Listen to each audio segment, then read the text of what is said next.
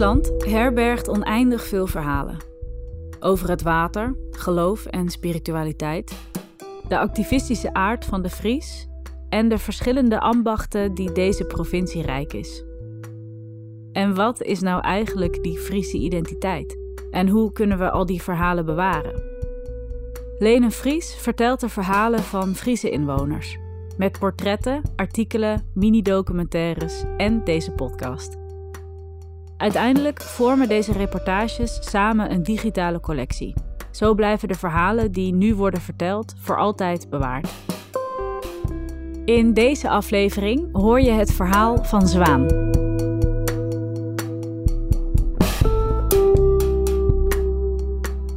Ja, mijn naam is uh, Zwaantje Kommery, maar uh, ik noem mezelf soms ook wel Zwaan inderdaad. Dat is uh, ja, wat krachtiger misschien.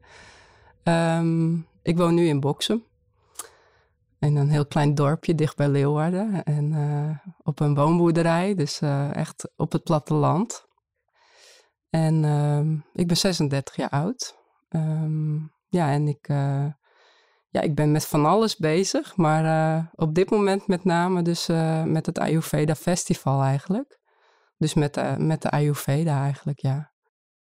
Ja, het begon eigenlijk dat ik um, heel veel last had van het eten wat ik at. Dus ja, de normale westerse voeding, zeg maar, at ik. En op zich niet, niet heel slecht, gewoon boterhammen en zo met kaas. Maar um, ja, ik kreeg op een gegeven moment kreeg ik daar echt heel veel last van. En uh, ja, van brood, van suiker. Hè, dus, en alles met, eigenlijk alles met tarweproducten. En um, ja, eigenlijk alles wat bewerkt is. Bewerkt voedsel en hè, wat uit de fabriek komt. Dus ehm, ja, dat, dat verdraagt mijn lichaam gewoon niet. En toen toen heb ik al heel snel, ja, ik dacht van, ja, weet je, is het nou, is het nou zo dat, dat ik ziek ben of is het eten wat ik eet gewoon ziekmakend? En ik merkte wel, hè, als ik bepaald eten liet staan, dat ik me dan gewoon beter voelde. Ook qua energie, maar ook qua, nou ja, buikklachten bijvoorbeeld. Toen wist ik, wist ik eigenlijk al, ja, al heel snel ik hè, dat, ik, uh, dat ik mijn antwoorden niet zou vinden in de westerse diëtiek, zeg maar. En uh, nou, toen ehm, ben ik uh, een beetje gaan rondkijken op het gebied van, hè, van kennis over voeding. Ja, en toen kwam ik bij de Ayurveda terecht, bij een, een cursus. Ja, Ayurveda en voeding heette die, dus heel toepasselijk. En ehm, ja, dat is een beetje mijn ingang geweest in de Ayurveda. Het, sprak me gewoon aan. Ik denk dat ik mijn intuïtie daarin heb gevolgd en dat ik van binnen gewoon, hè, want dat gaat ook heel erg, de, Ayurveda gaat ook heel erg over intuïtie en over voelen. Ja, dat ik gewoon al voelde van oké, daar moet ik zijn, die kant moet ik op. Daar liggen voor mij echt de diepe antwoorden van, over voeding in dit geval. Toen nog. Inmiddels zie ik hè, echt antwoorden op heel veel levensgebieden in de Ayurveda. Um, maar um, ik moet ook zeggen dat het voor mij ook een combinatie was van uh, omdat ik heel veel, uh, ik hou ontzettend veel van de Indiase keuken. En uh, nou ja, de Ayurvedische keuken is eigenlijk, of tenminste, het is niet per se Indiaas koken. Maar um, het komt natuurlijk uit India, dus hè, er zit heel veel, daar zit wel heel veel verstrengeling in, in die zin.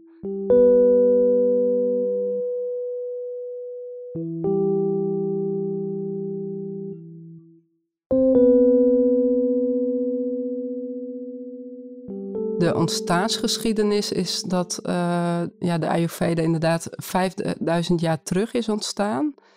En uh, het is voortgekomen uit uh, de Vedische geschriften. En dat zijn de, de oudste en de heiligste geschriften van het Hindoeïsme. Um, dus nou, dat zijn dus de Vedas. Hè? Dat zijn hele zuivere geschriften. En die die zijn opgetekend door rishis. En dat, zijn, ja, dat waren zieners in die tijd.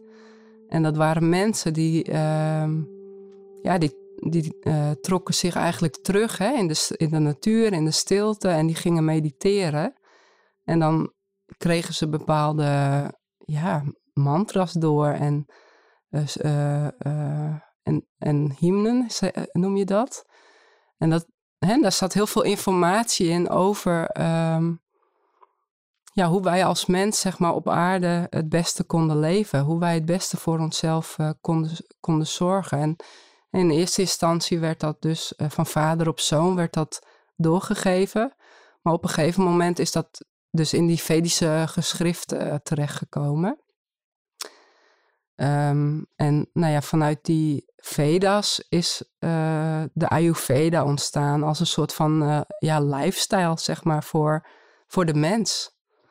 Dus um, het is gewoon een hele andere manier van denken. En het ging ook echt een, een, een heel stuk, een laag dieper dan, dan hoe wij denken in het Westen. Hè? Het ging echt over hoe wij eigenlijk verbonden zijn met, met de kosmos en, uh, en uiteraard ook met de natuur om ons heen. En uh, daar verder gaat ervan uit dat alles energie is en dat alles met elkaar verbonden is. Dus uh, ja, wij ook met het universum, zeg maar. Ehm, het, is, het is een hele, eigenlijk is het inderdaad uh, een heel moeilijk woord voor een hele simpele manier van gezond leven.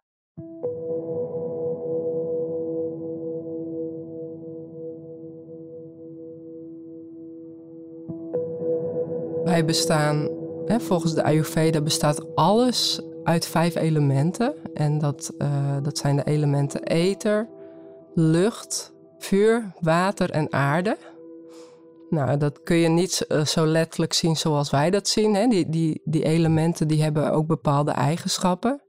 Nou, als we bijvoorbeeld naar het element aarde kijken, dan, uh, en dan staat dat ook bijvoorbeeld voor zwaarte, maar ook voor massief. En als je bijvoorbeeld denkt aan nou, onze gedachten, dat, dat heeft meer van het element ether in zich. Dus um, als je dan ook kijkt, hè, dat, wat de Ayurveda ook zegt, is dat um, elk mens bestaat dus uit die vijf elementen. Maar daarin zijn we wel allemaal uniek. Dus hè, de, ene persoon heeft bijvoorbeeld meer ether en lucht in zich. Nou, dat wordt dan een vata-persoon genoemd. Je hebt uh, sommige mensen die hebben wat meer het vuur, vuurelement in zich. Dat zijn de pita's. En je hebt mensen die, uh, ja, die hebben meer de water- en aarde-elementen in zich. Dat zijn de kafa's. Nou, als je dat zeg maar een beetje uh, vertaalt naar hoe dat er dan uitziet, is, um, dat, is dat mensen die bijvoorbeeld heel veel ether en lucht in zich dragen, dat zijn vaak mensen die, die zijn al wat smaller van postuur. Die hebben wat, ja, een, vaak een wat ruwere huid.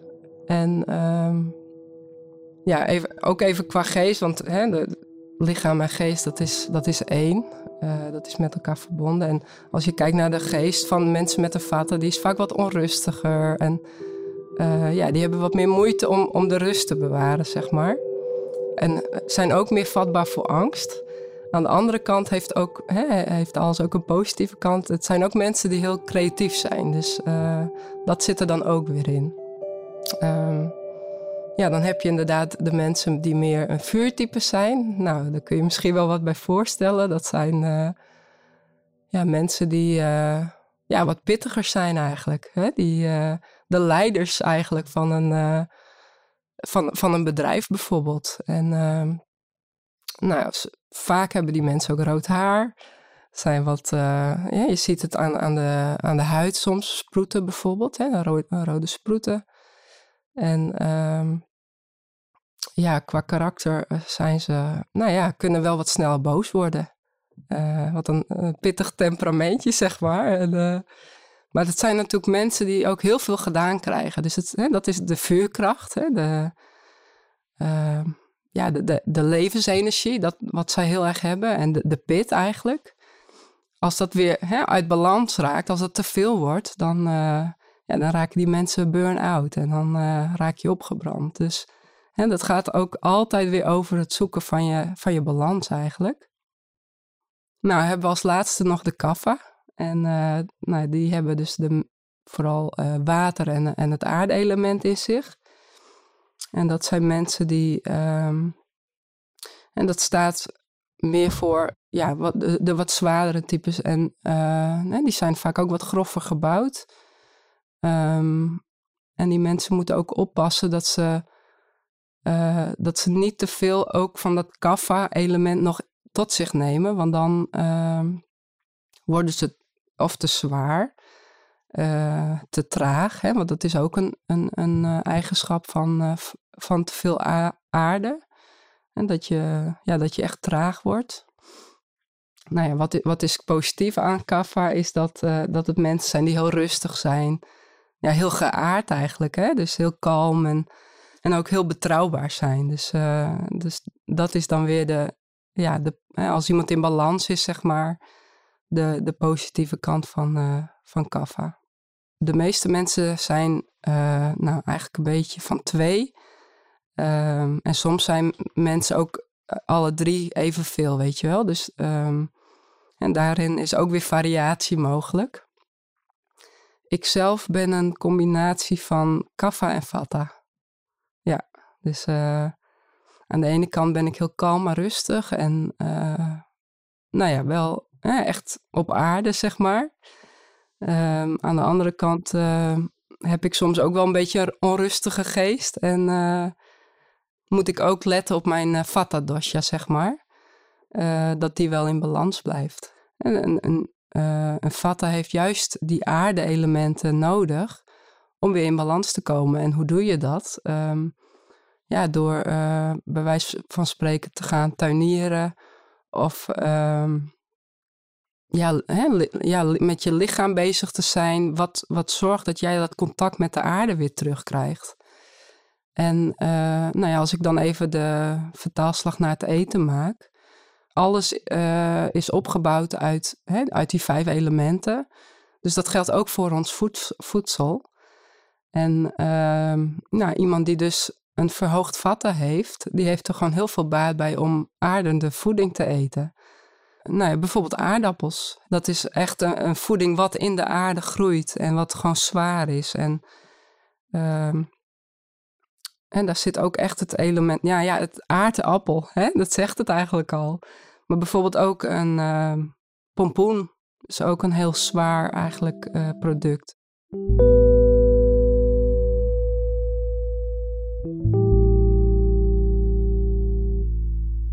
En nu in de westerse maatschappij, uh, wat je nu ziet, is dat eigenlijk bij bijna alle mensen de vaten uit balans is. Omdat uh, en mensen zijn eigenlijk, zitten zo in hun hoofd, hè, in, die, in die hogere, in dat lucht- en ether uh, element. Dat, uh, en daardoor zie je ook dat heel veel me mensen eigenlijk onrustig zijn en niet zo goed meer weten waar ze het moeten zoeken. En uh, ja, ook dat mensen dus ja, angstklachten hebben. En ja, als mensen daarin de balans weer kunnen vinden naar die rust. Hè? Weer meer naar dat aarde-element toe bewegen. Ja, dan zou dat al heel veel uh, ja, uh, ontspanning kunnen brengen, zeg maar. Dus, hè, dus dat is even als je kijkt naar het grotere geheel. Dus uh, in de westerse maatschappij zie ik wel echt een, bij heel veel mensen dat de, de uit balans is. Ja, wij zeggen ook, hè, je bent wat je eet. Uh, en in de Ayurveda zeggen ze van uh, je bent wat je verteert. En daar gaat dit precies over. Hè? Dus um, ja, iedereen heeft een eigen verteringssysteem. Als jij eten niet goed verteert, dan, uh, dan blijven er etensresten in je lichaam.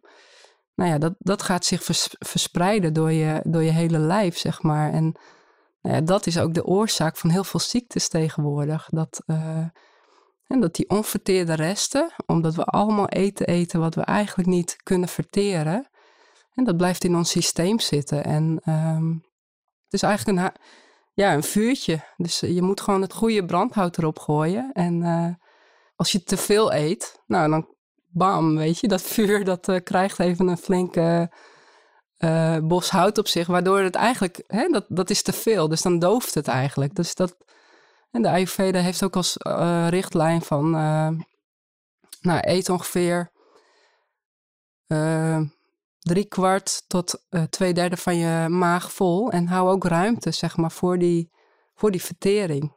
ik eet vooral ook veel seizoensproducten.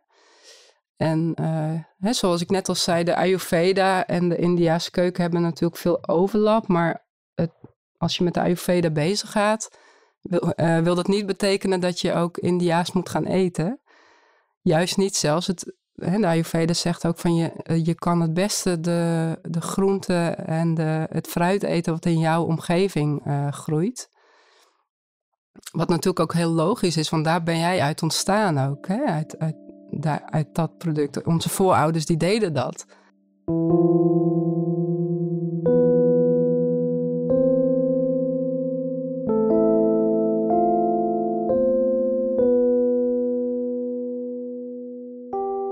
Nou, ik ben vooral ook hè, met, met eten ben ik heel erg bezig. En uh, nou, ik denk dat ik uh, door de Ayurveda gewoon eh, hele andere keuzes heb gemaakt, waardoor ik uh, ook steeds meer in verbinding met mezelf ben gekomen.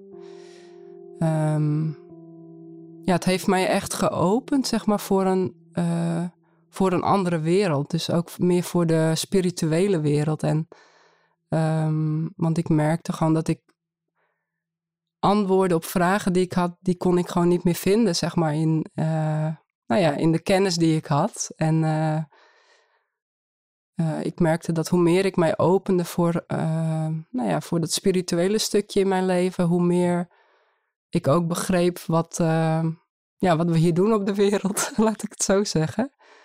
Um, nou ja, en, hè, en dan bedenk je, oké, ik, ben, ik ben hier niet om uh, keihard te werken. Of uh, ik ben hier ook niet om, uh, om, om mijzelf van mijn mooiste kant te laten zien. Hè, zoals anderen mij willen zien. en dus ik, ging, ik ben steeds meer vanuit mezelf gaan leven. En ook steeds meer gaan voelen eigenlijk. Um, ja, wat is nou goed voor mij? Ons, hè, ons wordt eigenlijk geleerd dat we, dat we antwoorden buiten onszelf kunnen vinden. Um, maar inmiddels denk ik dat dat niet waar is. Dat we nou alle wijsheid die we nodig hebben, dat zit in onszelf. En uh, nou ja, ik denk dat de Ayurveda je wel echt uitnodigt om daar naar te kijken. En om, om bij jezelf te gaan voelen van, uh, ja, wat, wat doet dit nou met mij? Nou ja, dat heeft de Ayurveda bij mij heel erg geopend. Um, ja, echt die verbinding met mezelf.